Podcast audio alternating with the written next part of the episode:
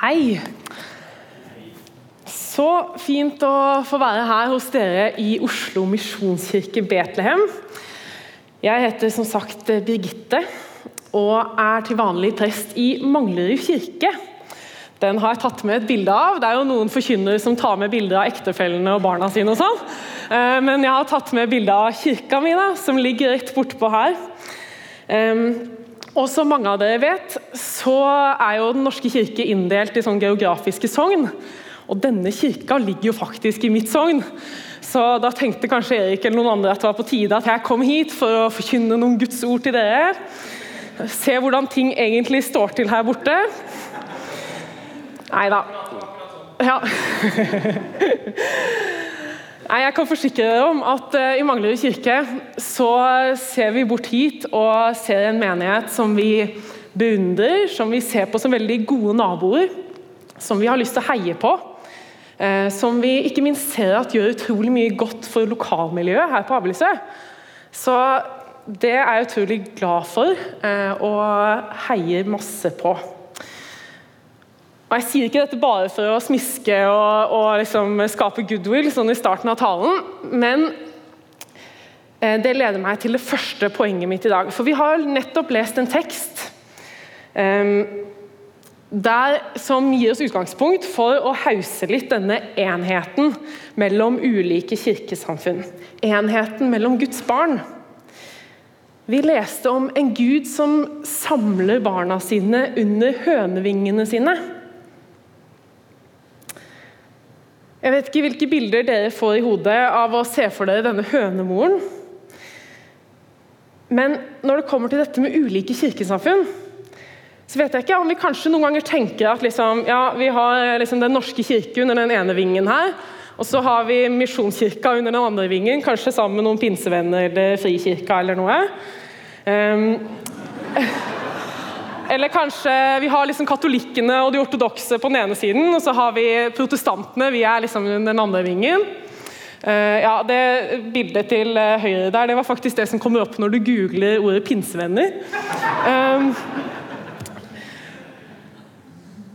eller er det sånn at vi av og til tenker at liksom, ja, de som eh, har riktig bibelsyn eller dåpssyn, eller de som fiksa bønnelivet ordentlig, det er de som så liksom, tettest inntil høna? Mens de andre står og liksom klapper høna litt utafor. Nei, jeg tror ikke det er sånn. Det er få bilder av Gud som illustrerer dette bedre. Nettopp at vi skal være ett folk, samla under vingene til den samme hønemoren. Ja, Gud, vår mor, kan vi kanskje si med utgangspunkt i dette bildet. Fride snakka så fint om Gud som far, men dette er faktisk et, et morsbilde som jeg syns er veldig fint. Men også kanskje litt eh, klamt. Jeg vet ikke om vi tenker at Under de vingene må vi stå innmari tett. Kanskje sammen med noen vi ikke liker så godt. Jeg liker kanskje oftere å bruke det bildet, et annet bilde som er ganske ofte brukt om hvordan ting skal se ut i Guds rike nemlig bildet med bordet der vi skal samles. Der har jeg i hvert fall min egen stol, så jeg kan få liksom litt space. I hvert fall eh, hvis ikke alle sitter på samme side av bordet. Men eh, dette hønemorbildet er tross alt bare et bilde. Jeg tror vi får ivaretatt intimsonene våre også hos Gud. Vi skal få den plassen vi trenger. Uansett, tilbake til høna. Jeg har hatt høner i hagen noen eh, år i min barndom, og enda lenger enn det så har jeg ivrig gått og plukka egg hos hønene hos besteforeldrene mine. Men jeg kan ikke komme på at jeg har sett at de har fått så mange kyllinger. Men jeg leste litt om hvordan hønene oppfører seg med kyllingene sine. De beskytter, som vi har lest, hele kullet sitt med å bre vingene om dem. Og så leste jeg noe litt gøy. Høna har ulike klukkelyder for forskjellige ting. De har ulik klukkelyd for å fortelle hvor maten finnes, hvor farene truer. Og høna har til og med en egen klukkelyd for å vise at nå er det hviletid. Høner er ikke helt som andre fugler som mater barna sine med nebbet. De viser heller kyllingene sine hvor maten finnes. Jeg syns det er et nydelig bilde på en omsorgsfull gud. Men det er noe mer med Gud som kommer fram i den teksten som vi leste i stad. Og Når vi skal prøve å forstå en tekst, som sikkert mange av dere vet, så må man se litt på hva som kommer før og etter. Og sånn. Og I dette kapitlet, kapittel 23, ganske langt eh, mot slutten av Matteusevangeliet, så befinner vi oss i eh, en av Jesus sine siste dager før han skal dø. Og Jesus har hatt intet mindre enn det jeg vil kalle et realt sinneutbrudd. Det vi ofte kaller for vedrop, der Jesus har ropt ut 'Ved dere!' Eller som vi kanskje oftere ville sagt 'Skjerp dere!' Han ber de skriftlærde fariseerne, ledere med mye religiøs makt, om å skjerpe seg. Han kaller dem hyklere, han anklager dem for å ikke leve slik de lærer, for å stenge himmelriket for mennesker, eh, for at de ber lange bønner for syns skyld, at de gir tiende, avling eller penger uten å egentlig bry seg om rettferdighet eller uten å egentlig vise barmhjertighet. De blir kritisert for å være griske og grenseløse. Jesus sparer ikke på kruttet, han er skikkelig sint. Og Det er ikke bare fariseerne og de skriftlærde som får gjennomgå. Jesus retter også kritikken mot resten av folket som ikke vil høre etter. Og viktig å nevne når vi snakker om denne teksten, en litt sånn viktig parentes her For denne teksten kan absolutt ha potensial for å skape et litt sånn unødvendig fiendebilde av jødene. Men dette er snakk om Jesus sitt eget folk. Jesus var jøde, dette var hans egne. Dette er innenfra-kritikk som han kommer med. Jesus avviser ikke lovene. Han sier ikke at de skal slutte å gi eller be, eller, um, men tvert imot så løfter han fram lovene og sier at dere har glemt hva som egentlig er fokuset for dette. At de skal føre til gode liv i gode relasjoner med Gud og hverandre. Det kan jo hende at dere her i denne menigheten er litt unike, men jeg har inntrykk av at sånn generelt i kristne sammenhenger så er ikke sinne noe vi liksom heier veldig mye på. Vi skal være hyggelige og koselige, og det skal være god stemning. Og i hvert fall tilsynelatende så skal vi være litt beherskede. Og selvfølgelig, sinne kan føre til utrolig mye destruktivt og ødeleggende. Det er jeg helt sikker på at mange her har erfart. Men av og til så er også sinne den eneste rette responsen når urett og ondskap skjer. Og så bunner jo sinne ofte i andre følelser. Det er en såkalt sekundærfølelse, som psykologene snakker om. Sinne kommer ofte fra frykt eller sorg.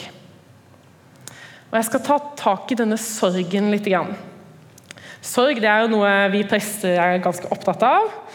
Eh, kanskje litt over snittet, og forholder oss mye til. Eh, jeg begraver en del mennesker som kommer fra det stedet vi er på nå, på Abildsø. Eh, så det får unnskylde meg hvis det blir litt mye sorg nå de neste par minuttene. Det kommer kanskje noe godt i enden, vi får se. Vi vet at sorg kan være forferdelig vondt. Man kan kjenne det skikkelig i kroppen, liksom. Men så lenge det ikke fører til alvorlige psykiske lidelser eller at man gjør dumme ting, så er ikke sorg egentlig farlig. Og så kommer jo egentlig sorg fra noe godt. Det kommer fra at man har elsket noen, eller noe har vært viktig. Det kommer av at man lengter etter noe godt. At man ønsker at ting skulle vært annerledes. Og I de bibelversene vi leste i stad, så syns jeg Jesus sin sorg kommer ganske tydelig fram.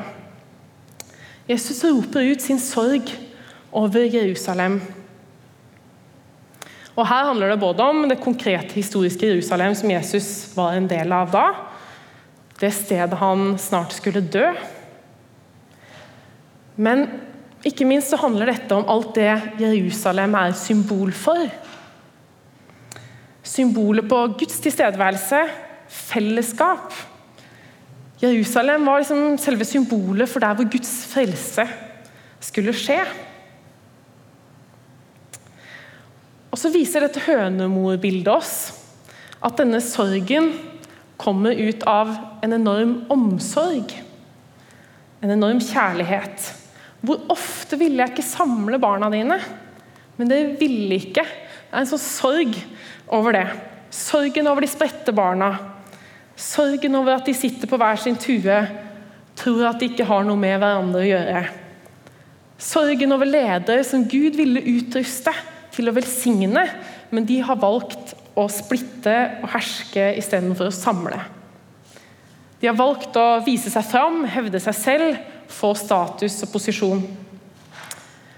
Så Nå står Jesus der med mye sinne og sorg, men først og fremst med en stor omsorg. Og denne sorgen prøver og prøver. Samle testamentet. Gud prøver og prøver. Samle, lede, beskytte folket sitt. Jesus sine ord i vedropene de er i veldig stor grad repeat fra mye av det som profetene sa i gammeltestamentlig tid. Gud sendte profeter til folket sitt for å gjenopprette, for å skape nytt. Minne dem på at 'jeg vil samle dere, jeg vil det beste for dere'. Jeg skal lese et par vers fra Jesaja 65, som også hører til denne søndagens tekster. Jeg hadde svar til dem som ikke spurte, jeg var å finne for dem som ikke søkte meg. Jeg sa, 'Her er jeg, her er jeg', til et folkeslag som ikke kalte på mitt navn. Hele dagen rakte jeg hendene ut til et trassig folk som gikk fram etter sine egne tanker, på veier som ikke var gode. Det er en sånn sorg hos Gud over barn som ikke vil komme hjem. Og så kan vi tro at denne omsorgen og sorgen gjelder oss også. At Guds sorg, fortvilelse, ja, kanskje også sinne, gjelder oss.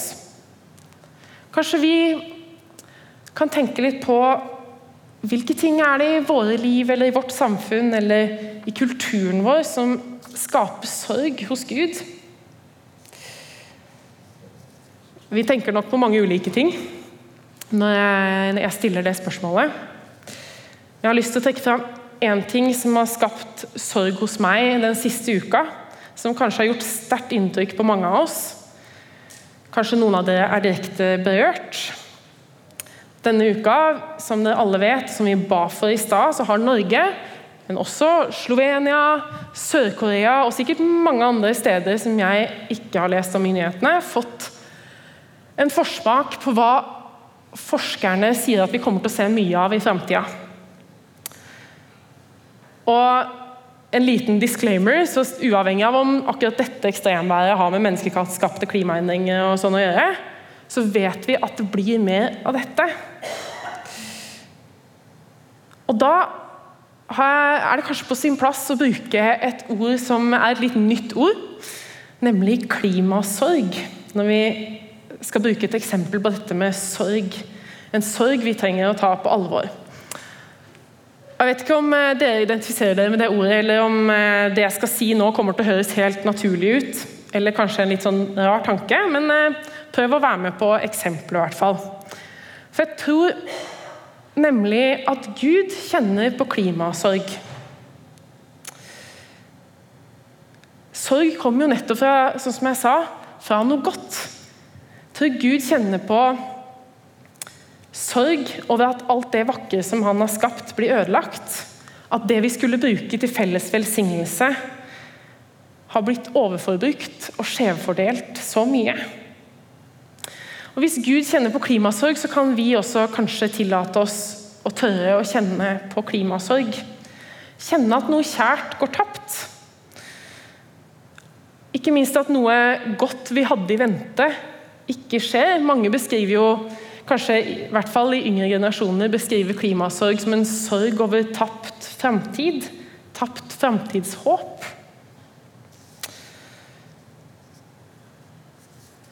Jeg tror at vi trenger å sørge. Vi trenger å anerkjenne tap. Vi trenger å ta inn over oss ting som skjer eller har skjedd rundt oss.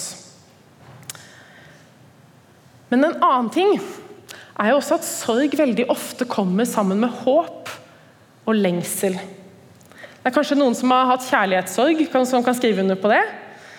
Eller noen som har mista noen og kjent på all den lengselen og håpet etter å sees igjen. Framtidshåp. I tapet av framtidshåp. Eller når man tenker at ting skulle vært annerledes. Jeg skulle ønske ting var bedre. I sorgen så oppstår denne lengselen etter at ting kan bli bedre. At ting burde strengt tatt vært annerledes. Det burde finnes et alternativ til det som er nå. Og Det er jo det det kristne håpet handler om. Det er ikke sånn naiv framtidsoptimisme om at ja, alt går bra til slutt. og sånn. Nei, det er å klamre oss til at ting kan bli bedre. Jesus sier i dagens tekst at eh, huset deres blir forlatt. Jesus skal dø, og vi opplever alle at døden er reell. Men håpet er at vi skal se ham igjen. Jesus skal stå opp igjen. Vi skal se Guds rike komme for fullt en gang. Men også nå, midt i sorgen over brutte relasjoner, miljøødeleggelser eller at livet ikke er sånn som vi skulle ønske, så akkurat der kan vi erfare at Gud skaper noe nytt. Akkurat der kan vi oppleve oppstandelseshåpet midt i våre liv. Jeg vet ikke om noen annen situasjon hvor jeg har kjent mer på lengselen etter at Gud skaper nye ting. Etter å se glimt av Guds rike, som de gangene jeg tør å ta sorgen i eget liv på alvor. Da skal vi tilbake til teksten der vi ser Jesus sin sorg. Og Denne harde kritikken Jesus kommer med, den kommer fra sorgen, fra omsorgen. Jeg vet ikke med deg, men Dette med å motta kritikk er ikke så veldig lett. Å bli fortalt at man uh, gjør noe feil, eller at måten jeg lever livet på, ikke er bra nok. Kanskje det stikker litt hvis noen på jobb sier at uh, måten du gjør ting på, det kunne vært bedre.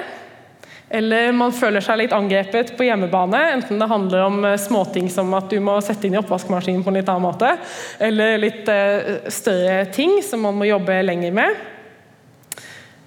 Det er veldig lett for oss å si at jeg har lyst til å jobbe med meg selv og bli et bedre menneske. og, og sånn, Men det er jo ikke så kjekt når man står der og må ta imot tilbakemeldinger. Det kan være irriterende, sår, sårende, man kan føle seg dømt. Føle at folk blander seg inn i ting de ikke har noe med.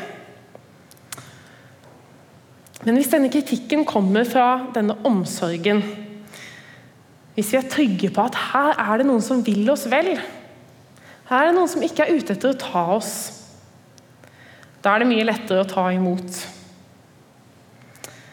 I menneskelige relasjoner så tror jeg dette alltid kommer til å være komplisert, fordi vi klarer ikke å elske hverandre fullkomment. Eh, og med veldig god grunn så tror jeg vi skal ha Forsvaret litt oppe i møte med kritikk fra andre, for det er ikke alt som er sant. Og det er ikke engang alt som vi får høre fra Bibelen som er sant, hvis det ikke tolkes på bakgrunn av Guds godhet, hvis det ikke tolkes i en sammenheng som er livgivende. Hvis vi f.eks. har et bilde av Gud som skal straffe oss, eller vi rett og slett ikke tror at Gud er god Og Det handler ikke bare om den kognitive sånn, ja, jeg vet at Gud er god, som Fride fortalte så nydelig for oss. Så handler det om å erfare den godheten. Det er først da vi kan slippe forsvaret ned. Det er først da vi kan ta imot og skjønne at dette er fra noen som elsker meg. Først da kan den sannheten sette oss fri.